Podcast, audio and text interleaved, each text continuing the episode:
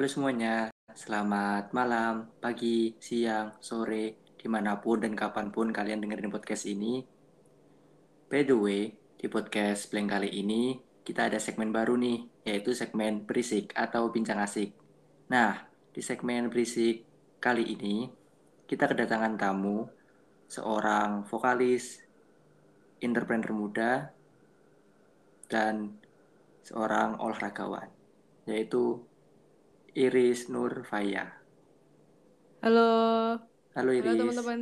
Halo, halo eh, teman-teman yang lagi dengerin podcast ini sekarang. Selamat pagi, siang, sore maupun malam. Gimana kabarnya? Alhamdulillah baik, baik. Semoga host dan teman-teman yang lagi dengerin juga kabar baik ya semuanya. Nah, kemarin puasa Ramadannya lancar. Lancar alhamdulillah. Ya walaupun feel-nya kurang dapet kan gara-gara pandemi. Mau tarawih susah, mau ini itu agak susah juga kan mau silaturahmi ke keluarga, tapi ya lancar lah, masih tetap seru. Tapi kan nggak seketat tahun kemarin. Hmm, kalau di keluargaku justru kayak lebih mendingan yang tahun kemarin sih. Kayak ngumpulnya pas segala macam memang lebih banyak interaksi yang pas tahun kemarin malahan. Oh, berarti beda malah tahun ini. Kan tapi kan kebanyakan yang tahun ini udah pada keliling. Iya, ah, bener. Iya sih, tapi emang nggak tahu tahun ini kalau keluarga gue emang lebih sepi. Hmm. By the way, minal aidin wal faizin ya. Oh iya, minal aidin wal faizin juga, mohon maaf lahir batin. Nah, ngomong-ngomong, udah setahun lebih nggak sekolah. Tiba-tiba udah lulus sih. Iya benar. Rencana kuliah mau di mana? Eh, Alhamdulillah aku udah dapat kemarin lewat jalur SNM, bersyukur banget Wih. Eh, dapat ya thank you thank you udah dapat apa eh, ilmu komunikasi di UNS, Alhamdulillah. Kan udah setahun lebih. Nah, selama pandemi, aktivitas kamu ngapain aja di rumah? Em, sebenarnya lebih banyak rebahan sih, cuman di sisi lain ya jadi lebih sering masak, terus paling nyanyi, kalau nggak nonton drama atau film sih.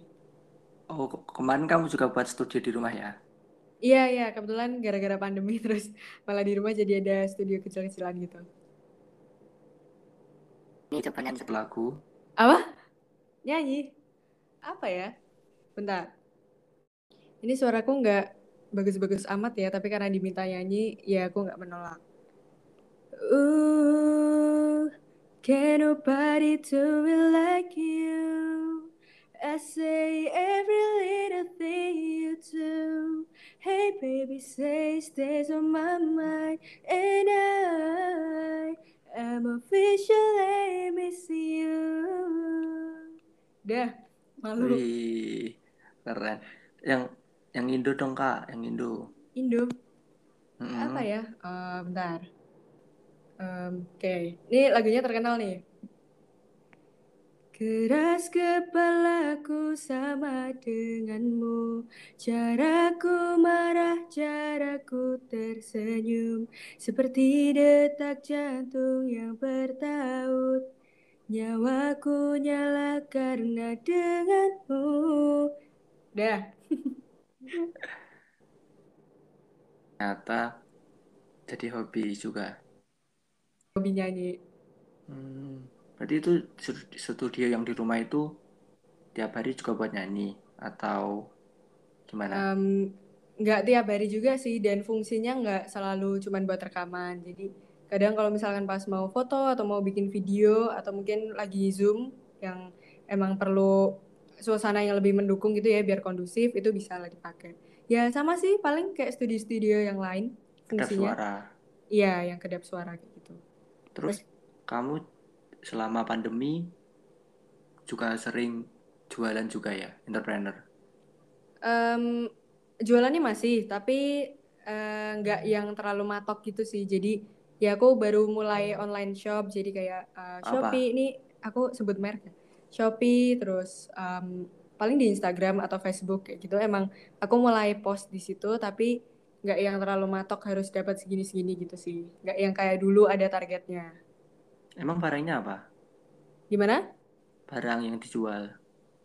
Um, barang yang dijual aku karena aku suka K-pop ya dan aku suka ngumpulin beberapa barang juga. Aku ada jual photocard terus uh, ya merchandise officialnya gitu, terus sama Hot Wheels sih paling.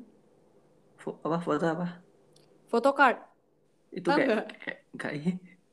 Um, jadi kalau Korea itu kan mereka ada comeback itu kan setiap keluar single atau album gitu ntar ada merchandise-nya, ada apa ya merchandise di Indonesia ya?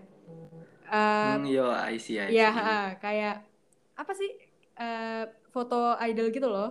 Oh, Nah itu kan laku ada, dijual iyalah ada nilai jualnya. sepuluh ribu. Nggak nggak boleh.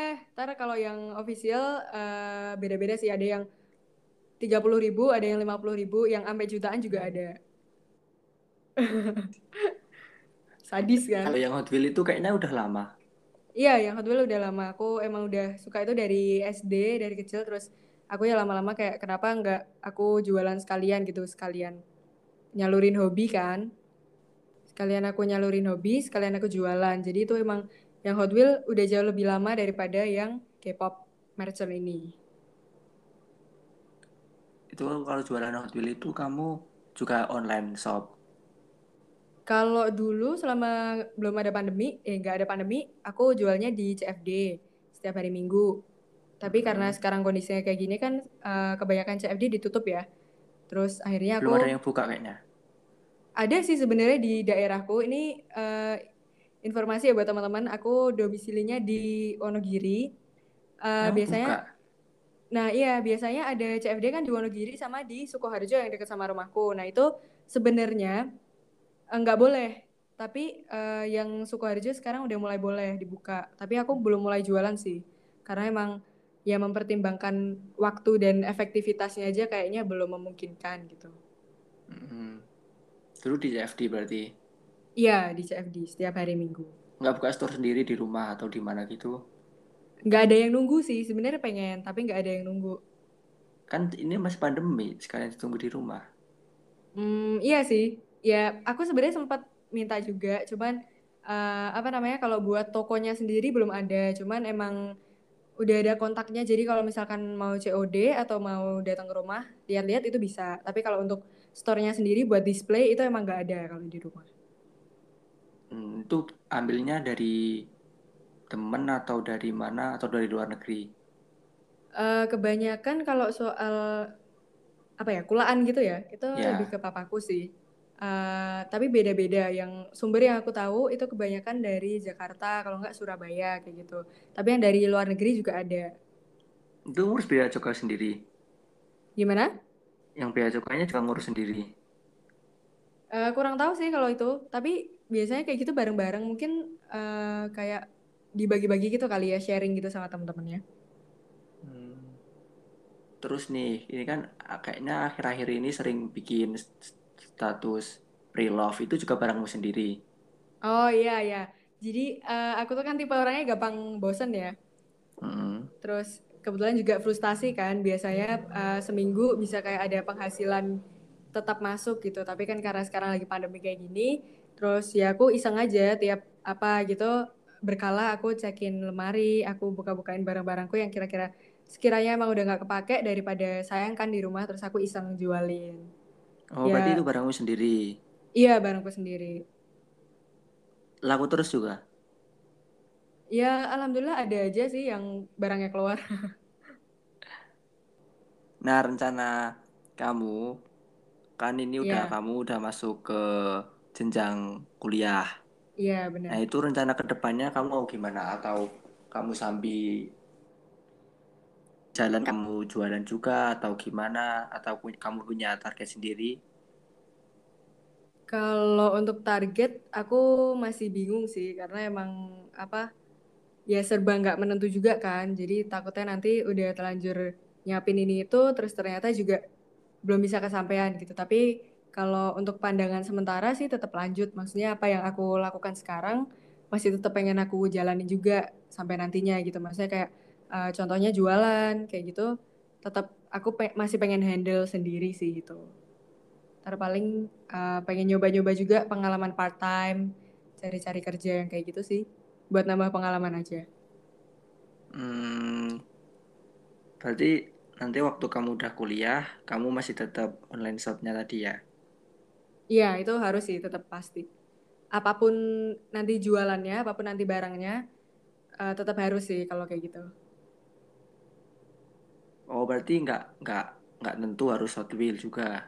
Iya, karena aku emang udah ada inceran yang lain, cuman masih bingung iya apa enggak gitu kan. Karena pasti di awal tetap butuh modal dong. Nah itu aku juga harus muter otak gimana caranya biar uh, ada modalnya dulu dan ya berusaha untuk nggak rugi yang banget gitu kan. Karena di awal pasti effortnya itu pasti jauh lebih besar gitu. Ya kan, waktu untuk memulai sebuah bisnis kan kita harus juga punya plan sama yeah. rancangannya dulu, mulai dari modalnya, bagaimana target penjualannya, iya benar, dan lain-lainnya. Iya dan sih, tantangannya cuman... kan pasti untung atau rugi kalau iya, bisnis itu. Iya udah jelas sih.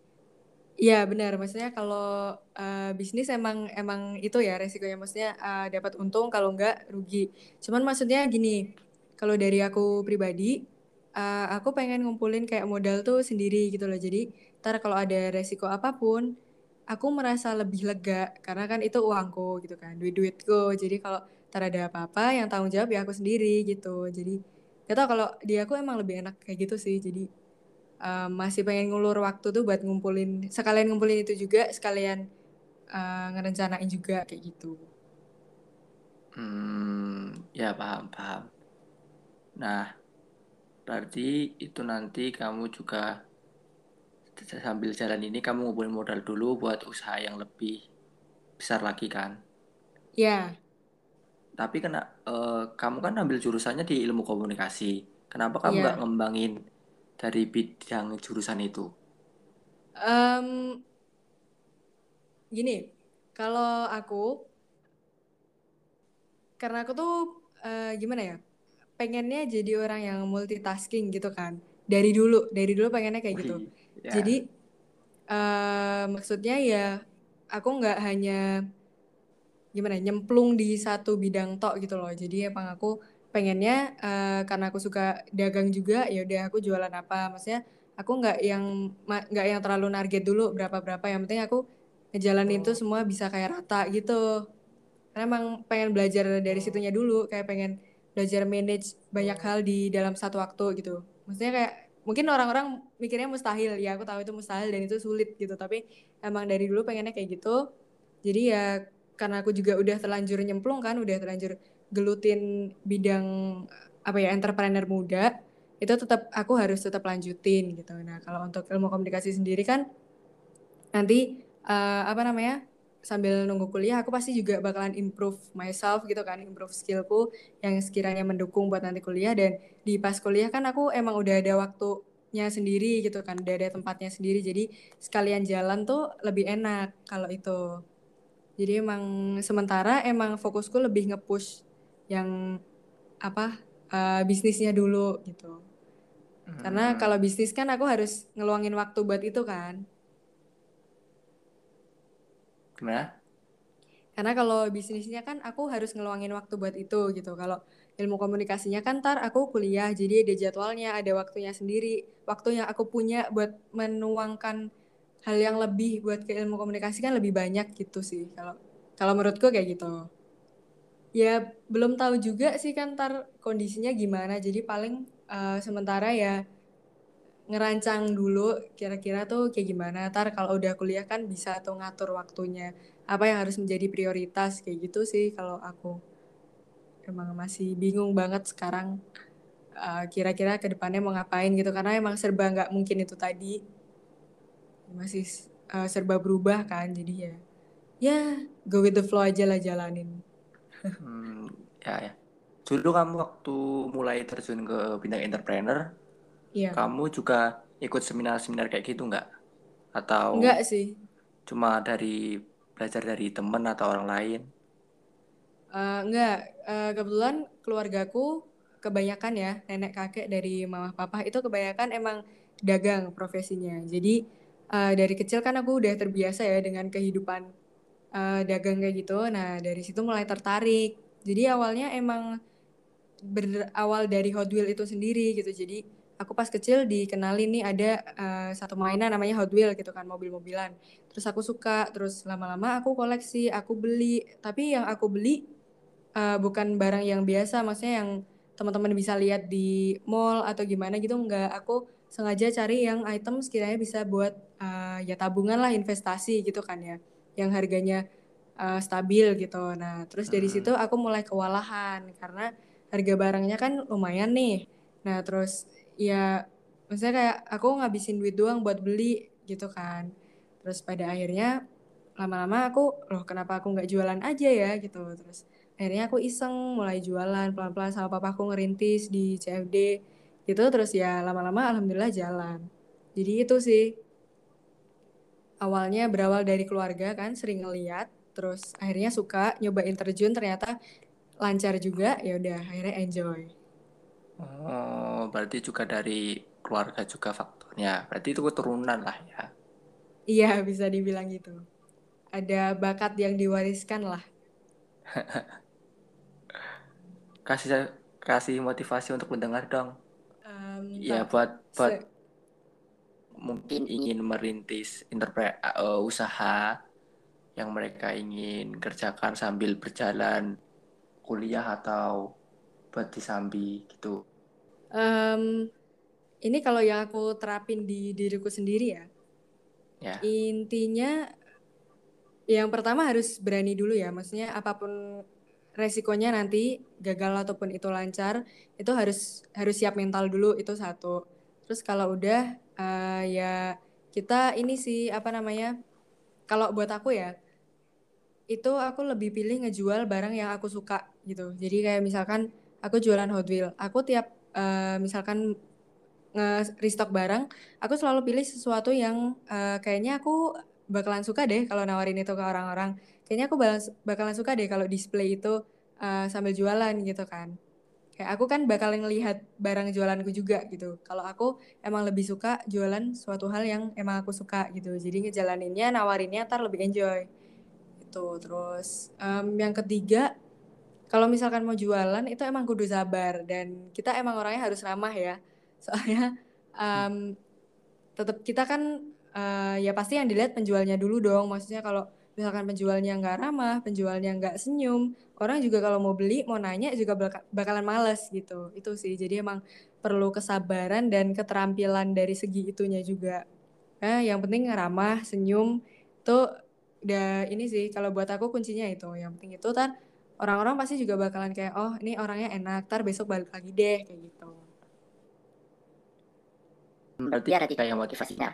Yang pertama kita harus siap buat untuk pun untuk untungnya. Iya. Terus yang kedua kita harus jualan barang yang kita suka terlebih dahulu. Buat kita market untuk penjualannya. iya benar-benar hmm. dan yang terakhir attitude-nya juga harus penting itu. Iya penting banget itu. Oke akhirnya kita udah di ujung podcast Blank kali ini. Terima kasih Iris karena udah nyempetin waktunya untuk mengisi di podcast Blank kali ini. Setelah beberapa kali kita gagal, nggak bisa tag dan akhirnya nyempetin waktunya di hari ini. Ya, uh, makasih juga Blank yang udah ngajakin aku collab. Nanti buat teman-teman yang mau tanya, mau sharing lagi, boleh uh, minta tolong nanti pihak Blank ini ya, apa uh, at Instagram aku biar bisa DM atau gimana. Oke. Okay. Um, ya, makasih juga buat waktunya dari Blank sendiri karena uh, beberapa kali schedule-nya nggak pas ya nih. Sama-sama sok sibuk nih ceritanya. Dan alhamdulillah malam ini bisa terrealisasi. Jadi semoga juga adalah pelajaran ilmu yang bisa teman-teman ambil dari podcast uh, malam hari ini. Harus uh, dong. Iya, benar. Uh, semoga ya bisa lah kita sama-sama maju, sama-sama belajar bareng dari sini gitu. Makasih buat semuanya yang udah dengerin. Oke.